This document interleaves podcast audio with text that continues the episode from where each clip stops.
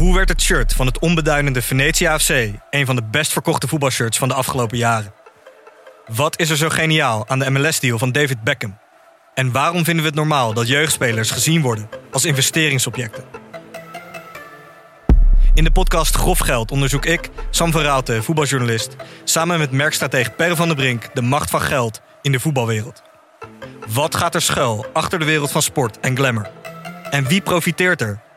Luister naar Grof Geld en hoor hoe de Skybox de staantribune beïnvloedt. Dit is Jong Beleggen, de podcast. Ik ben Milou. En ik ben Pim. In deze aflevering ja, neem ik je helemaal mee op mijn reis, en mijn eerste avonturen op de Giro eh, Ja, leuk. website. Ja. ik hoef eigenlijk niks te doen. Ik ga een beetje achterover leunen. Jij moet heel veel doen, want ik heb echt heel veel onmogelijke vragen. Tenminste, voor mij, ik had verwacht, ik kan het nu wel, maar het, bleek toch moeilijker dan ik dacht. Ja, maar misschien de onzekerheid. Ik denk dat je meer weet dan je, dan je denkt. Ja, ik moet zeggen dat ik ook wel weer een beetje toch twijfels heb gekregen, want nu gaat het opeens natuurlijk over echt geld, wat ik ergens moet gaan neerzetten. over twee maanden kijk je terug en denk je, jemig, wat is dit simpel? Oh, ik hoop het heel erg. Zullen we beginnen? Ja, let's go.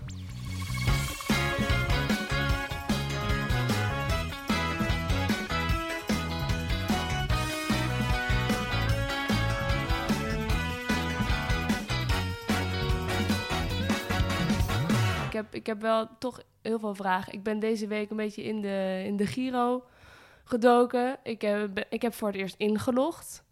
Ehm, ik heb nagedacht over een strategie. Over hoeveel geld heb ik te besteden en waar wil ik, dat, eh, waar wil ik dan precies in gaan zitten. Ja, leuk, ja. En dat ga ik allemaal aan je voorleggen. Nou, leuk. Ik kijk ernaar uit. En ga jij dan zeggen of het goed of fout is? Eh, nou, ik, ik ga je wel helpen. Een, heb- beetje, een beetje sturen. Ik heb ook wel echt het idee dat iemand nog een beetje mijn hand moet vasthouden of zo. Want ik zit hier naar jou te luisteren, gewoon de afgelopen tien afleveringen. Nee, de afgelopen negen afleveringen. En ik begin steeds beter te snappen. En als ik dan zo naar jou luister, dan denk ik van ja, ja, oké, oké, nou, dit kan ik allemaal wel. En toen ik dus voor het eerst inlogde en ik zag echt dat ik er geld op kon zetten en het ook daadwerkelijk ergens in moest stoppen. En ik had bedacht welk bedrag ik kon missen. Toen dacht ik opeens, oh, ik weet eigenlijk echt niet of ik dit wel durf en of ik dit wel moet doen. Beetje een beetje zenuwachtig, ja. Ja, ik ben eigenlijk best wel een beetje zenuwachtig. En iemand die had ook tegen mij gezegd: ja, eigenlijk is als iedereen gaat beginnen met beleggen, dan eh, ben je eigenlijk ben je te laat. Ja, nou ja dat, als je natuurlijk op korte termijn eh, even snel wat winsten wil maken, wel. Maar als je er echt in zit voor de lange termijn, dan maakt de instapmoment niet uit. Nee. Eh, nee, totaal niet. Nee.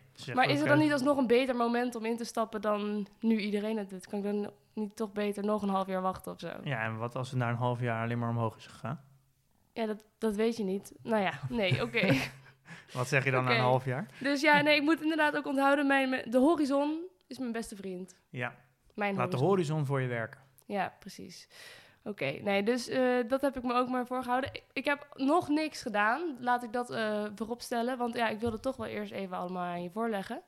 Eh, ik zal even beginnen met wat ik dan heb bedacht als strategie en hoeveel geld ik wil besteden. Ja, ik ben heel erg benieuwd. En daarna vertel ik wel even wat ik allemaal meemaakte toen ik dus daadwerkelijk voor het eerst inlogde. Ik heb een, eh, een logboek bijgehouden. Oh, wat leuk. Je hebt ook een tentamen moeten maken. Ja, ik. heb ook een tentamen. Ik kan hem wat verklappen. Ja, nee, ik zal het even uitleggen voor de luisteraar die nog niet eh, bij de Giro is binnen geweest. Je krijgt dus een toets. 18 vragen. En eh, ik weet niet wat er gebeurt als je niet slaagt. Misschien mag je dan niet door of moet je nou, nog, ik denk dat je hem dan weer opnieuw moet maken. Ik heb hem gelukkig gehaald. Dat kan ik alvast verklappen. Maar daarover straks meer. Met vlag en wimpel, toch? Ik, heb, ik had één foutje. Ja.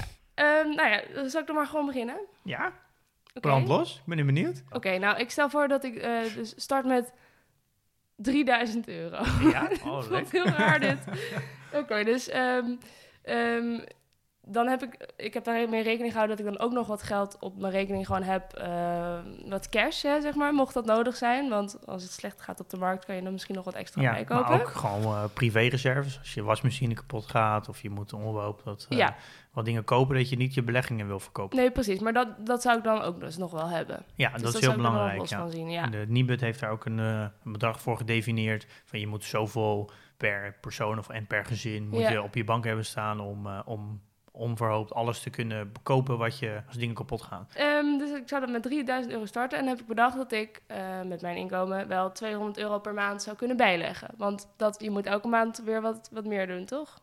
Ja, dat is goed. Ja. Je Ja. moet maandelijks kunnen inleggen, ja. Ja, maar wat ik dan wel meteen dacht van... ik ga dus met 3000 euro starten. Moet ik dat in één keer dan, dan allemaal erin stoppen in één maand als je gaat starten? Eh, ja, nee, dat is natuurlijk een hele goede vraag. Ik zou dat niet doen.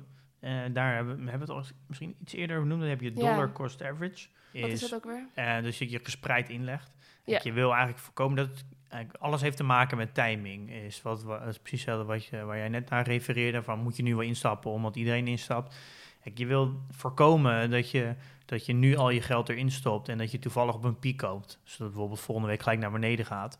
Ehm, dus eigenlijk om dat risico uit te sluiten dat je, eh, je op een piek koopt, is dat je eigenlijk gespreid Ja. gaat inleggen. Ja, Ehm, en nou, in het geval van jou, jij bent met 3000 euro, zegt dat je dat deelt door 6. Dus dan heb je 500 euro in de maand, eh, wat je zou kunnen inleggen. Dus als je dus nu elke maand start met 500 euro inleg, dan heb je na zes maanden heb je 3000 euro ingelegd. ja. Nou, Ondertussen heb je dus ook die 200 euro nog kunnen sparen die afgelopen vijf maanden. Dus dan heb je nog eens 1000. Dus dat zijn weer twee maanden dan van... eh, ja, precies. Dan van doe je die 500. 200, die doe je even niet. Nee, die, die, die, die, die maakt gewoon een potje Ja. eigenlijk van eh, eh, een beleggingspotje en die zet je dan eh, daar een soort van op. Dus dan heb je Mhm. eigenlijk eh, zes maanden heb je dus zes keer 500 euro ingelegd. En heb je ondertussen ook 1200 euro extra nog gespaard van die 200 euro per maand. Dus dan heb je, kan je dus nog een keer twee volledige maanden doen van 500 euro. Dus zit je op acht maanden. Dan heb je weer, Oh, dus weer wow. 200 euro gespaard. Dus dan zit je dan op, na acht maanden op, heb je dus 4000 euro ingelegd. Dan heb je 600 euro nog klaarstaan om... eh, ja. eh, en dan kan je dus weer een maand, dan zit je maand 9, Oh, heb je 500 euro. Jeetje. En heb je weer 200 en dan heb je dus dan nog 9 maanden, heb je dus eh 4, 4500 euro belegd. En je hebt nog 300 euro dan openstaan. Nou, dan krijg je dus die maand daarna, maand 10, weer 200 euro. Dan kan je weer 500 beleggen. Volgen jullie het nog, jongens? En, ja. dan, en dan ga je over in het ritme van 200 euro. Ja. Dan heb je, zit je dus al in maand 11. Nou, dan heb je dus je inleg nu al verspreid over 11 maanden. Dus mocht er Ah. nu ook een, een, een, nog een tweede golf komen of we, mogen, we gaan in een flinke dip, dan maakt het eigenlijk niet zoveel uit. Want jij koopt dan zowel op de piek als in het dal. Oké. Eh, en zo spreid je eigenlijk je, je, je risico. Als je het op zo'n manier doet, maakt die instapmoment dus nooit uit. Ook niet als je in een coronatijd nee, zit. dat maakt dus helemaal niks uit. Nou, ik vind het En echt ik durf het ongelooflijk. 100% zeker te zeggen dat jij kijkt over een paar jaar terug. Ja, Eh, en dan denk je, nou, dat, eh, dat helemaal, maakt helemaal niks uit. oké. Oké, En helemaal als je over tien jaar terugkijkt. ja. Uh, instapmoment maakt eigenlijk helemaal niet uit. Tenzij je echt in één keer al je vermogen inlegt. ja. Dus gewoon in één keer bijvoorbeeld, je hebt 100.000 euro en je gaat in één, alles in één keer inleggen. Ja, dan maakt je instapmoment natuurlijk heel veel uit. Maar als je, als je verspreid gaat beleggen, maakt het niet uit. Oké. Oké, nou, En, enigszins geruststellend toch. Dankjewel. Ja. Want je, je, bent gewoon, je zit gewoon altijd ben je op de beurs. Ja. En je bent gestapt elke maand in. ja. Eh, Want de markt timen, dat, dat kan niemand eigenlijk. Nee, ze zeggen dat zijn ja, dat als, als iemand dat goed kon, dan was iedereen, dan had het systeem niet gewerkt. Dan Nee. is iedereen miljonair. Ja. Eh, dus ze zeggen ook, het gaat, en je kan misschien één keer een crisis goed timen, maar dan moet je twee keer goed timen, zowel verkopen als weer kopen.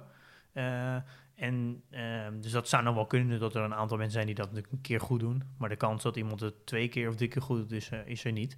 Nee. Ehm, ze zeggen ook vaak dat de tijd in de markt is belangrijker dan het timen van de markt. Ja.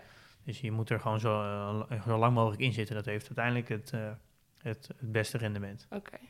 Ehm, nou, dan, ga ik even door met mijn strategie. Want dus ik heb dus er 3000 euro mee beginnen. En dat ga ik dus allemaal spreiden over de maanden. Maar waar ga ik dan in zitten? Wat denk je?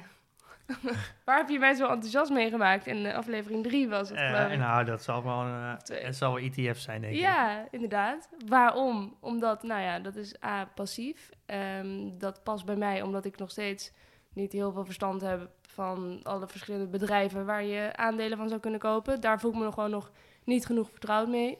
Dus dan lijkt zo'n ETF mij eigenlijk vrij relaxed. Want, nou ja, ik kan nog wel even noemen die voordelen. Is dus dat je meteen in één keer heel gespreid zit. Vaak als je een eh, ETF kiest. Je hebt overal een ETF van, heb je verteld. Dus een eh, bundeltje van allemaal verschillende soorten sectoren. Maar ook over landen kan het gaan. Toch? Zo Ja, klopt helemaal, Ja, je kan het veel beter uitleggen Nee, dan dat ik. klopt helemaal. Ehm, dus ik, dan zit ik meteen met, eh, nou ja, niet heel veel geld, wel gespreid. En ik hoef er gewoon niet zoveel op te letten de hele tijd. Ja, nou ja, het lijkt mij een, eh, een fantastische strategie. Ja. Tegelijkertijd dacht ik natuurlijk ook wel, ehm, dat dividend beleggen lijkt me ook wel chill. Want eh, dan ontvang je gewoon telkens geld, als, het, als je het goed doet, elke maand. Wat je ook weer kan herbeleggen. Krijg je Ja. dat compound interest eh, Ja. gebeuren. Ja, nee, dat klopt. Je krijgt natuurlijk met een ETF vaak ook dividend. Alleen Ja. dat zal natuurlijk een structureel lager zijn. Ja. Nee, dat klopt. Eh, maar de, de ene sluit natuurlijk het ander niet uit. Nee. Eh, je kan toch prima beginnen met een ETF. Ehm, dat is misschien wel de meest laagdrempelige manier om in te stappen. Want Ja. er worden heel veel zorgen voor je weggehaald over eh, ja, risicospreiding. En je, je hoeft ook niet iets aan te onderzoeken. Dus het is wat minder spannend. Maar als je eenmaal een tijd in de markt zit en je, je logt wat vaker in bij de Giro. Je, nou, ondertussen zijn Ja. we dan ook weer bij aflevering 20 beland. Ja. En dan eh, ja, kan je ook gewoon een keer beginnen met één los dividendaandeel. Ja. Want je hebt je spreiding al goed te pakken Ja. eh, in je ETF. dus precies. dan hoef je niet direct je volledige spreiding te gaan doen in losse aandelen. Oké. Oké. En ik zou dan eigenlijk misschien ook wel iets met Adyen willen. Want volgens mij, ja, jij me ook daarvoor. Ja, je, je hebt me heel erg beïnvloed de afgelopen tijd. Maar ik, ik hoor daar altijd al wel goede dingen over. En ik weet ook wel dat het een bedrijf is wat het gewoon heel goed doet. Ehm, ja, dat is toch misschien ook wel iets wat ik zou willen doen. en dat is dan meer eh, groei. Dat is groei, inderdaad, ja. Maar je hoeft natuurlijk niet per se een, een hele concrete strategie te hebben in de vorm van eh, ik wil alleen maar dividend of ik wil alleen maar groei. Eh, uiteindelijk ben je erin om rendement te halen. Ja. Eh, en eh, een ETF zorgt ervoor dat je goed gespreid zit. Je hebt weinig risico eigenlijk en je, je hoeft er weinig aan te doen. Ja. En dan kan je af en toe ook, eh, ook zeggen, nou, ik ga nu van mijn maandelijkse inleg een keer een, een los aandeel van kopen. Ja. Omdat ik dat bedrijf eh, interessant vind, heb ik al een tijd gevolgd. Ik denk dat er veel potentie in zit. Die, die koop je Ja. ook met losse voorwaarden. Ja. Dus daar bedoel ik mee dat je zegt, ik denk dat dit interessant is en ik koop Ja. het nu. En ik heb het idee dat het nog wel de komende tijd nog wel kan groeien. En ik ga het gewoon evalueren als de koers zo hoog staat of zoveel Ja. procent eh, gegroeid is. Precies. En dan ga je dus kijk gewoon- even wat er gebeurt. En ja, gewoon helemaal losse aandelen, gewoon helemaal los beoordelen. Ja. Oké. Ja, nou, maar dat is inderdaad, er is natuurlijk geen haast bij. Dat kan altijd nog. Dat kan Ja. altijd. Dat is, eh, er zijn ook heel veel beleggers die volgen soms een bedrijf al een half jaar, een jaar voordat ze besluiten om het te kopen. Oké. Oké. Ehm, nou, dan laat ik het toch gewoon simpel houden. Inderdaad, zoals ik ook had bedacht, dus met, eh, met ETF's. Zat ik wel te denken, moet ik dan... Nou, ik moet natuurlijk helemaal niks, maar... Zou ik dan ook in meerdere ETF's gewoon gaan zitten meteen? Of, Nou, want ik had bedacht in ieder geval dat ik die S&P Vanguard eh dinges wil hebben. de S&P 500. Ja, nou, ik zou niet met zo'n laag bedrag in meerdere eh, ETF's gaan zitten. Oké, Eh, Ik denk dat dat niet nodig is. dat lijkt me ook wel eigenlijk relaxed. Ik ben blij met dit antwoord. Dat, Ja. Laat ik dat voorop stellen. Maar waarom is het niet nodig?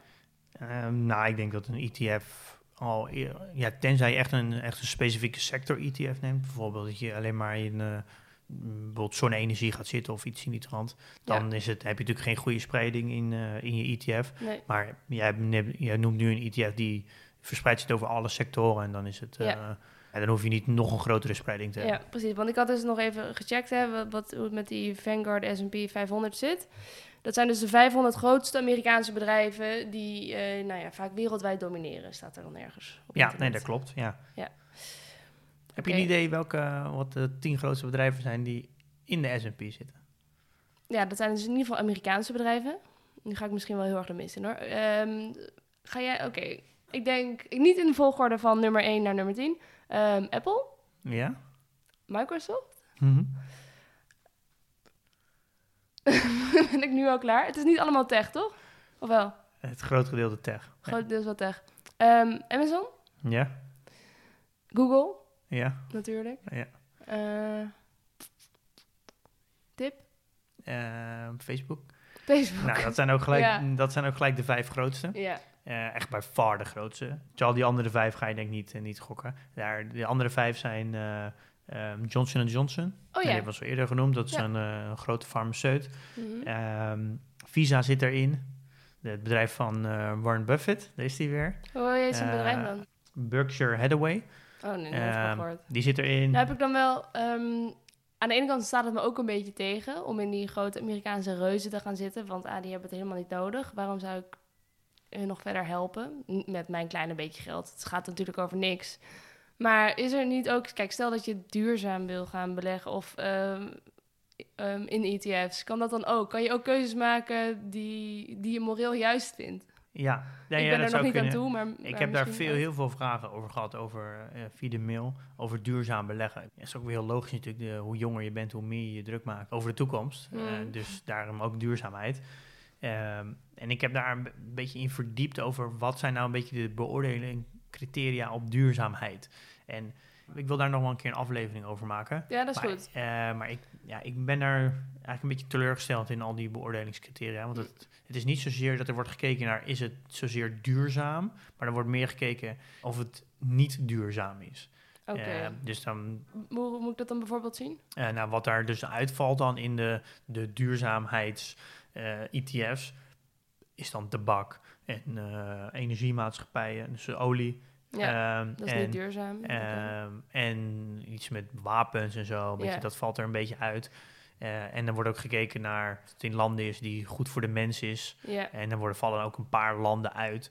Maar het is, daar, op zich ben ik het daar wel mee eens dat die bedrijven niet duurzamer zijn. Ehm, maar er zijn ook heel veel bedrijven die er, die er dus wel in zitten. Dat is ongeveer dan eh 95%. En dan kan je je wel afvragen, in hoeverre is een Coca-Cola duurzaam? Of, ja, of het beste voor de wereld inderdaad. ja, ja. eh, dat natuurlijk in suiker kan je natuurlijk ook wel heel erg afvragen of dat een... eh, Ja, maar dat sowieso. Eh, je kan je, duurzaamheid heeft zo'n brede definitie. Dat kun je ook natuurlijk niet. Het kan over van alles gaan. Nee, en ik had wel best wel een leuk eh, gesprek via de mail met, eh, met iemand die... En we hadden heel erg, ja, wat is dan duurzaam? Ja, Want autobedrijven staan er ook in. En ik, ja, hoe duurzaam is zo'n eh, zo'n Volkswagen dat natuurlijk ook die dieselschandaal heeft gehad. En ik, ja, wat valt voor mij niet onder het, het thema duurzaam. nee. En ik had van de week eh, iemand eh, de mail en die, eh, die gaat echt heel specifiek een, een, wil een groene portefeuille maken. En dat vond ik eigenlijk wel een interessante gedachte. Dan moet je, Mhm. kost wel wat meer werk, maar die wil dus in alle sectoren die er zijn de meest groene bedrijven eruit pikken. Ja. En zo een hele groene, duurzame portfolio te Ja. bouwen. ja. Misschien kan hij daar ook een ETF van maken. Of eh, kan dat? Je kan overal een ETF van maken. Nou ja, je moet een uitgever zijn, maar je, je, Ja. je kan wel. Ja, die gedachte is wel, is wel Ja. leuk. Maar ik merk wel dat het eh, toch wel nog steeds heel moeilijk is hoor. Het stukje duurzaamheid en geld verdienen, dat eh, gaat wel langzaam naar elkaar toe. Maar dat is, heeft nog wel een weg te gaan, denk ik. Ja. Helder. Oké. Die, eh de 500 je kan er ook voor kiezen om een, de, de AX ETF te nemen. Nee, nee, nee. Doe maar deze. Deze wil ik. Ehm, nou, misschien kan ik nu wel even... Laat ik nou nu beginnen met... eh, toen ik dus ging inloggen bij de Giro van de week. Ja? En toen kwam ik meteen bij een, eh, een keuze. Toen dacht ik, hier heb ik nog niks over gehoord.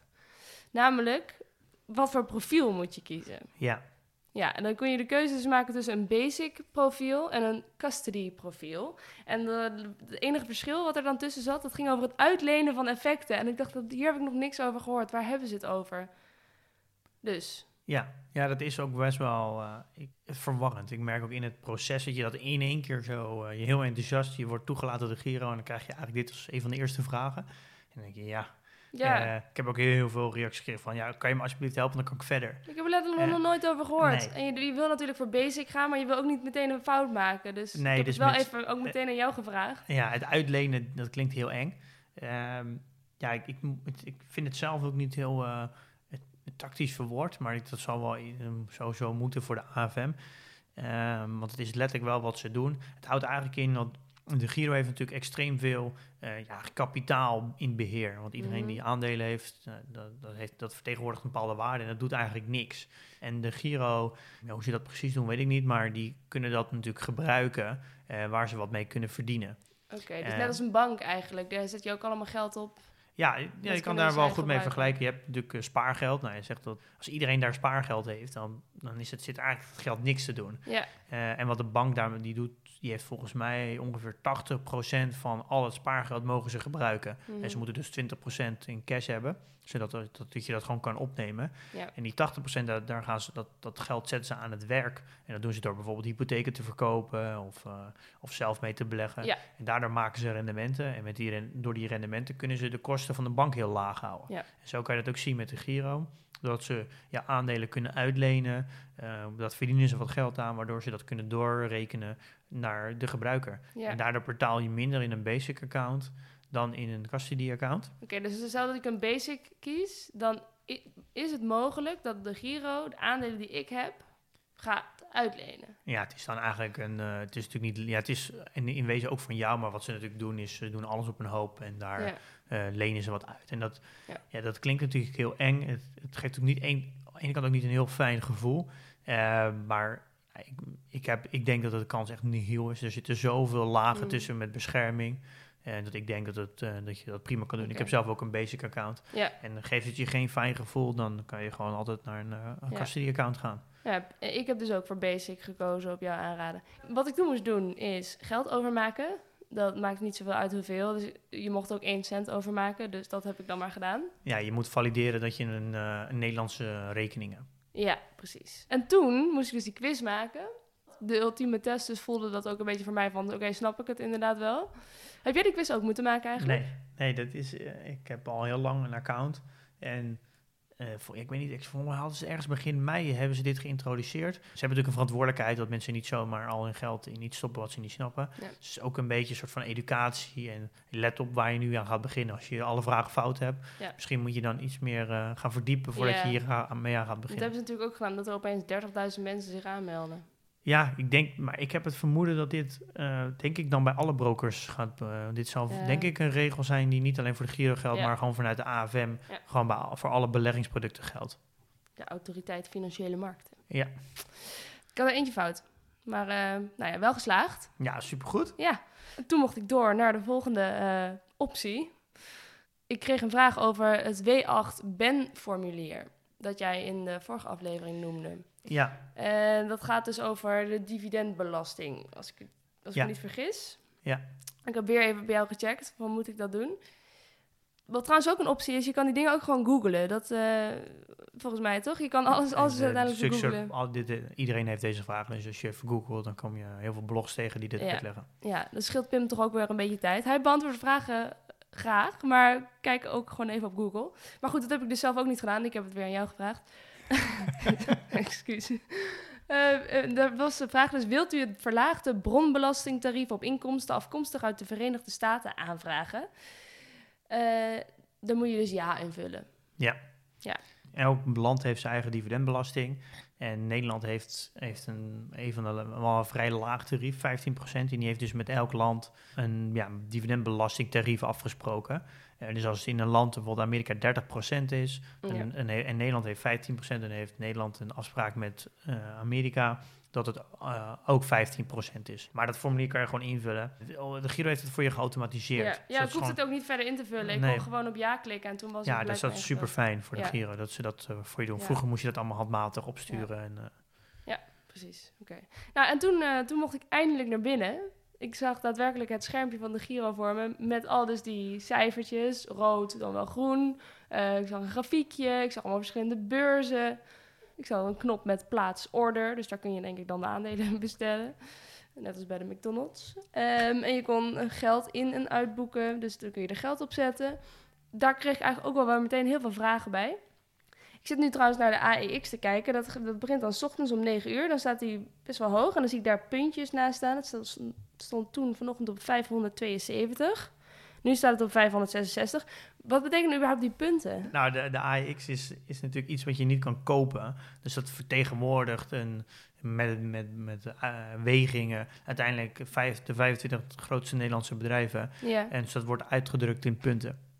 oké.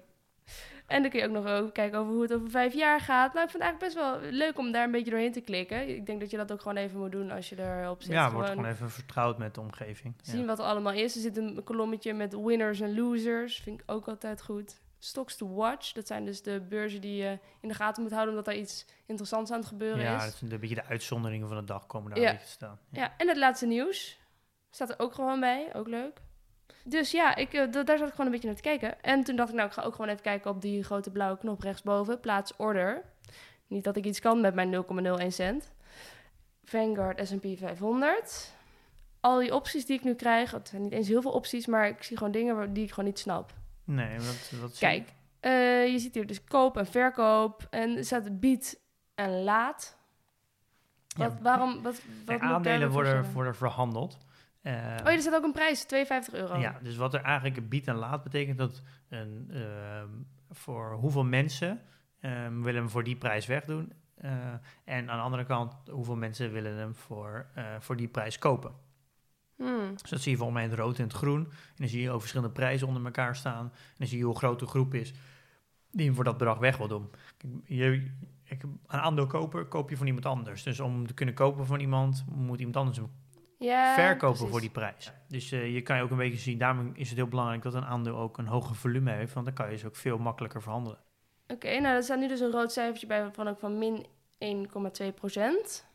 Dan denk ik al meteen van nou, beter even wachten tot die groen is, maar dat slaat natuurlijk nergens op. Nee, dat heeft niet zoveel zin. Nee, oké, nou goed, dan dus, dus 52 euro. Dus één zo'n aandeel in de Vanguard S&P, dat kost 52 euro. Ja, dus als je één aandeel koopt, dan heb je een spreiding over 500 bedrijven voor 52 euro. Ja, mooi, ja toch? waar voor je Dat geld. is toch mooi? Oké, en wat hadden we ook weer bedacht van hoeveel ik er nu dan zou moeten kopen? Ik zou nu dus voor 500 euro die dingen kunnen Ja, kopen. je kan, nou, dus het is bijna einde van de maand. En dan maak je gewoon even een, eh, een schema voor jezelf. Nou, 1 juli 500, 1 augustus 500 en zo door. Totdat je, en dan doe je er elke keer, wat ik net berekende, 200 euro Ja, bij. precies. Dan kom je uiteindelijk, denk ik, 11 maanden verder. En vanaf Mhm. dat, na die 11 maanden ga je in een ritme van 200 euro zitten. Precies. En dan heb je eigenlijk in een, zeg ja, 11 maanden tijd, Ja. heb je dus je, nu je, dan je vermogen belegd.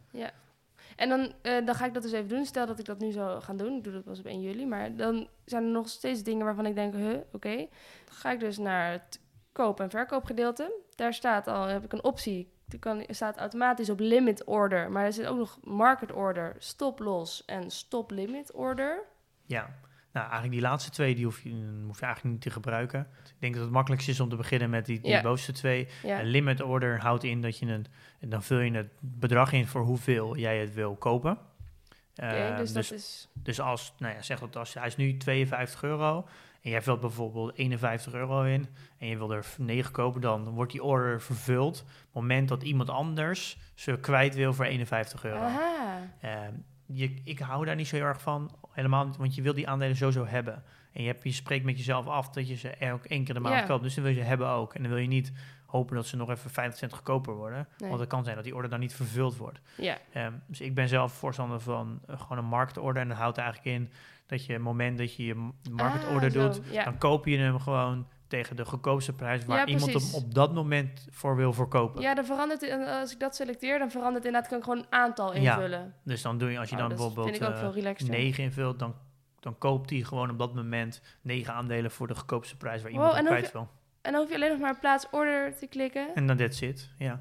Want je hebt ook nog een keuze tussen dagorder en doorlopend. ja, dus als je een limit order doet, eh, bijvoorbeeld je doet op 51 euro, dan kan je hem op een dag zetten en dan blijft hij dus één dag geldig. Maar Ja. je kan hem ook zeggen op, eh, op eh, 30 dagen en dan Ja, het moment dat die, die wordt pas vervuld, het moment dat die onder de 51 euro komt. oké. Ik ben daar zelf niet zo'n voorstander van, want ik heb in het verleden natuurlijk wel daarmee gespeeld. Nou, had ik Mhm. helemaal besloten, lang over nagedacht, wekenlang een aandeel gevolgd. Dat ik, ik ga hem nu kopen. En dan denk ik, nou, ik zet hem toch nog even 5 cent lager. Ja. Nou, het aandeel werd natuurlijk niet vervuld, want het aandeel ging omhoog. Ja. En de volgende dag ging het weer omhoog. ja, natuurlijk, en want dat, daar koop je hem op. ook. En weer omhoog. En Ja. dus dat, die order werd maar niet vervuld. Nou, dat vond ik zo irritant. En dan denk ik, ja, heb ik nu zitten, zitten bezuinigen op, eh, op die 50, 50 cent? Dan alsnog snap ik eigenlijk niet heel goed wat er dan nou precies gebeurt. Want ik, eh, stel, je koopt er dus eh negen van die dingen.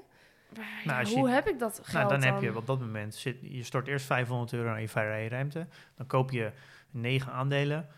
Eh, dan, en dan op dat moment ga je, heb je in een tapje aan de zijkant bij je portefeuille. En Mhm. daar staan dan dat je negen aandelen van de S&P hebt. Ja, En dan wordt dat geld de waarde van, van je vrije ruimte afgeschreven. En dan ben je eigenaar van aandelen. ja En dan precies. ben je officieel een belegger. Heel cool. Maar dan heb ik alsnog natuurlijk alleen dat geld als ik ze verkoop.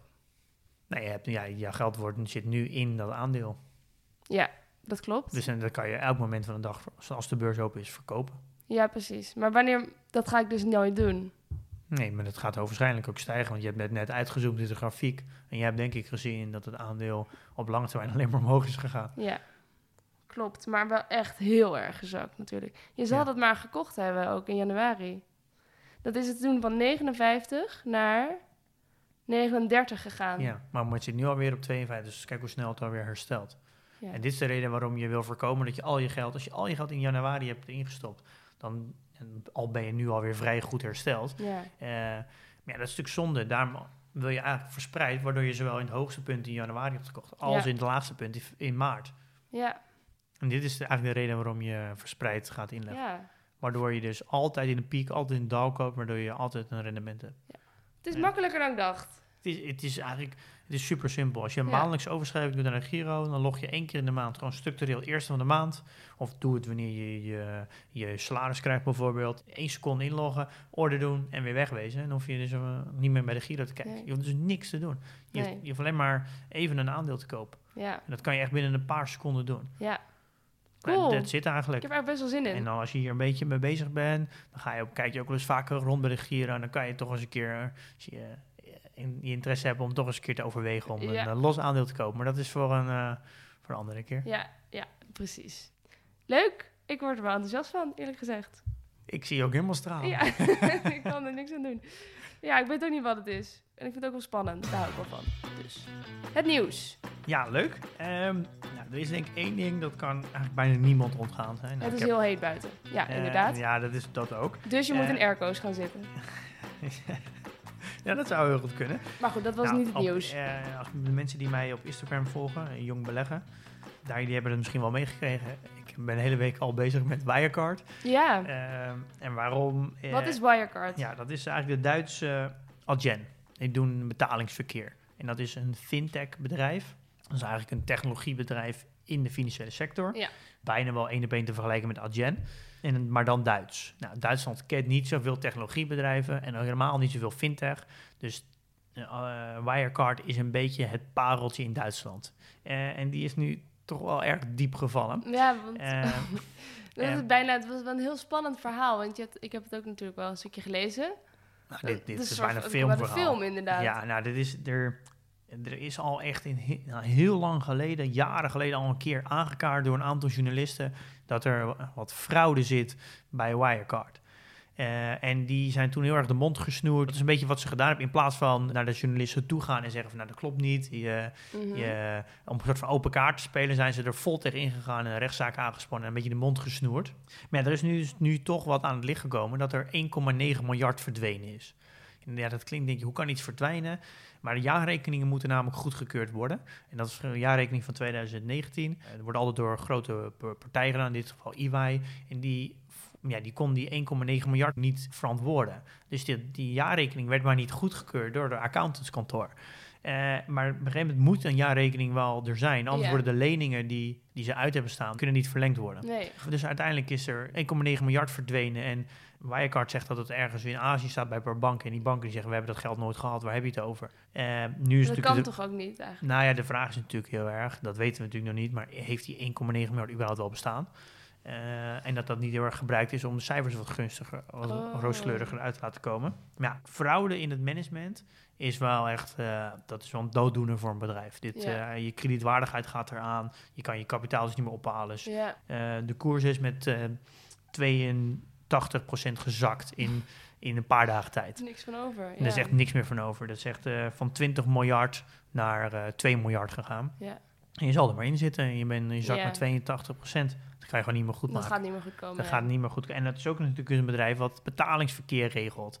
Nou, je mag toch hopen als ze hun doen bijvoorbeeld het betalingsverkeer voor KLM als ik KLM zou zijn en ik zou een, een bedrijf die al mijn betalingen regelt en die fraude heeft over dat geld kwijt is, zou ik niet heel erg goed gevoel bij hebben. Nee. Ehm, dus dit kan, Ach, nou ja, dit is een, natuurlijk een reputatieschade. Ik vraag Ja. me af of ze hier ooit nog overheen komen. ja. Ze willen nu volledig gaan reorganiseren. Natuurlijk, ze gaan de helemaal schoon schip maken. Maar dit gaat heel lang duren voordat dit überhaupt weer een beetje, eh, een beetje goed gaat. Ik zou in ieder geval van wegblijven. Maar Onze gedachten de- zijn bij de Duitsers. ja, de, nou de, de Duitsers zijn hier nog wel bekend om. Ook bij het dieselschandaal natuurlijk. Eh, Du- het is, er is heel vaak fraude in Duitsland. en die zou zeggen, hoe kan dat? Eh, maar dat, eh, dat, ja, dat is... Dat, Het Duits zit in de cultuur. ja, het zit heel erg in... het Duits is, Nee, heel, maar dat kunnen we toch niet zeggen? is heel hiërarchisch. Ja. Je volgt gewoon braaf wat de, wat de leidinggevende doet. Waardoor het helemaal geen open cultuur is om soort van misstanden te melden. Hm. Duitsland heeft heel, is heel gevoelig voor fraude. Pim, ik moet je wat opbiechten. Ik ben kwart Duits. Oh!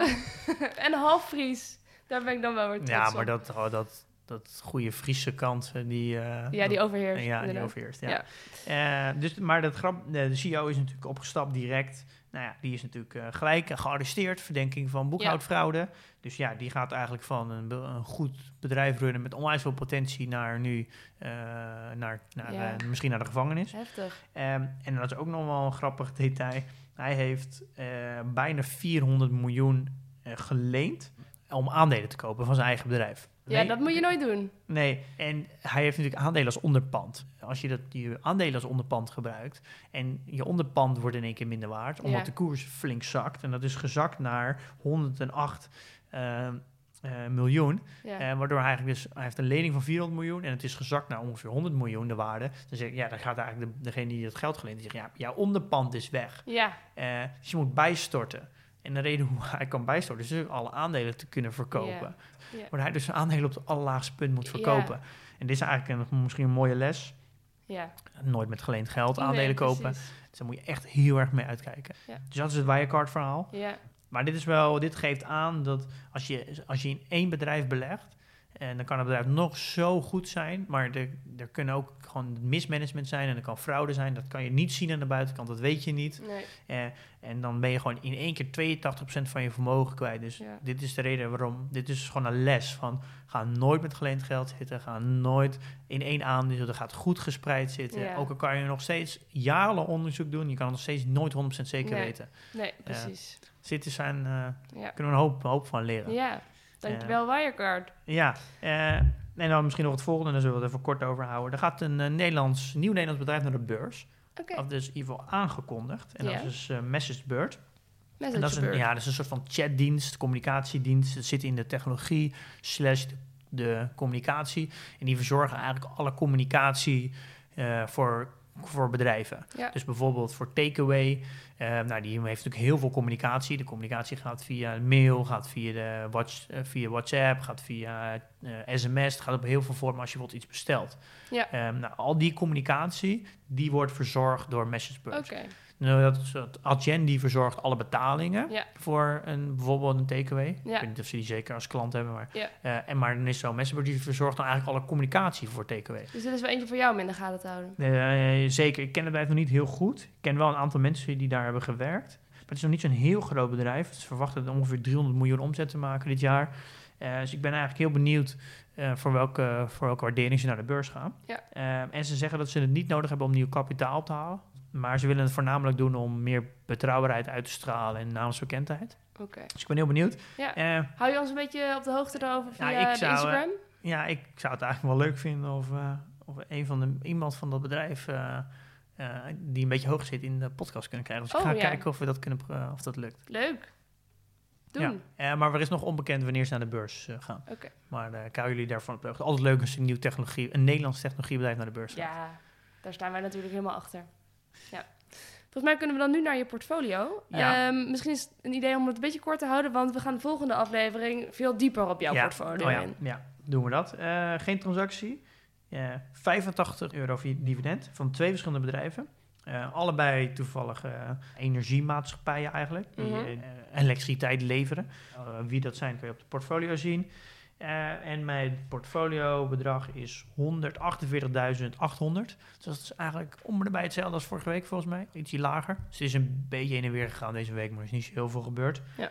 Ja, dat was mijn portfolio. Ja, en dan hebben we ook weer natuurlijk eh, de reviews. Ehm, er zaten wat vragen weer bij. Volgens mij hebben we ook al een aantal vragen daarvan al beantwoord. Ja, dus die eh, over, eh, van Christian over de, de custody account en basic, basic nou, die hebben we al beantwoord. Ja, basic kiezen dus. Niet te veel over nadenken. Ehm, en dan hebben we een vraag van Leon.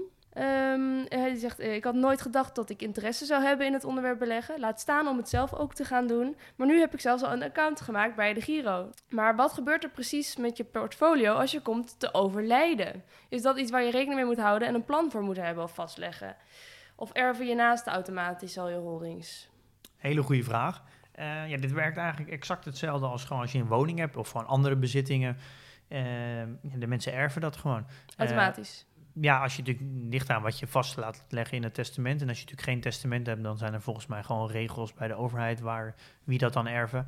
Dan wordt volgens mij eh nou, ligt aan of je kinderen hebt of uh, naast of je getrouwd bent. Dus dat is een beetje ligt daaraan. En, eh, maar ja de, waar, ja, de holdings worden ook gewoon, dat erf je gewoon. En dat is denk ik ook wel het mooie, denk ik, als je je eigen pensioen opbouwt. Is dat je die vermogen is van jou. Dus in plaats van dat je als je overlijdt, gaat het naar het collectief.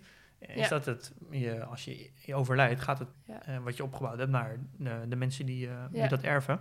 En wat wel goed is om op te letten, is dat je natuurlijk gewoon erfbelasting over moet betalen. Nou, dat geldt natuurlijk ook als je gewoon een woning erft. Ehm, maar misschien, het is wat lastiger met aandelen, omdat ten eerste iedereen moet maar weten dat je aandelen hebt.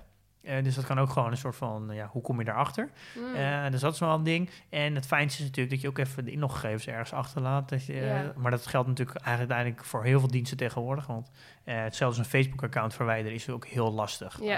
Dus dan kan je beter maar gewoon iemands login hebben en zelf kunnen verwijderen. Ehm, dus dat is sowieso een dingetje als je overlijdt, is dat eh logingegevens. Maar ik hoop dat heel veel luisteraars daar nog lang niet mee te maken hebben. Ehm, nou, in deze aflevering hebben we het natuurlijk gehad over mijn ja, ja, eerste perikelen op de beurs, of bij de Giro. Eh, volgende week krijgen we jouw grote portfolio-update. Ja, ja, we gaan even ja, een soort van balans opmaken. Ik, eh, ik heb weer een hoop geleerd in de afgelopen maanden. Ehm, en ik ben natuurlijk ook over sommige dingen een beetje onzeker. Of daar ga ik over twijfelen. Ja, Eh, en ik wil eigenlijk een beetje de learnings delen. En hoe ik nu naar mijn portfolio kijk. En ja, wat voor gevoel ik heb en wat ik geleerd heb ook ondertussen. de successen en de fouten. Ook, ja. Ja, want ook jij bent menselijk en ook jij maakt wel eens een foutje. En dat mag ook gewoon, als je er maar van leert. hè. En daarom maken we een hele mooie podcast over volgende week. Ik hoop dat je iets aan deze hebt gehad. Ehm, oh, dank ook voor alle reviews. Ik heb nog één review trouwens. Eh, vijf sterren van Zico. Prettig om te luisteren. Heerlijke podcast om naar te luisteren. Ga zo door. En echt super lief dat jullie massaal ehm, ja, ja, gehoor aan onze oproep hebben gegeven vorige week. Door inderdaad reviews achter te laten. Toch? Heel veel leuke reviews gehad. Ja. En misschien ook wel leuk van eh, Marjolein. Eh, die heeft Oh ja. eh, gereageerd om het boek Beleggen voor Dummies. Ja. En die hebben we naar haar opgestuurd. Ja, die had ik in de eerste aflevering had ik verteld dat ik er eentje over had. Iemand meldde zich aan voor het boek. Marjolein was dat. En ik heb hem meteen opgestuurd. En ik ben blij dat ze er blij mee is. Ja, ze is uh, volop aan lezen. Dat is hartstikke leuk. Spannend. Misschien kunnen we Marjolein ook een keer uitnodigen. Kan ze even vertellen wat zij heeft geleerd. Ja, nou ja, wie weet. Ja. Wie Sowieso wel leuk om misschien langzaam na te gaan denken over interviews. Ja. Eh, gasten. Denk ik ook. Beetje verbreding van de perspectieven. Dat kan nooit kwaad. Oké, nou in ieder geval. Dit was het dan voor nu. Tot volgende keer. Tot de volgende keer. Doei!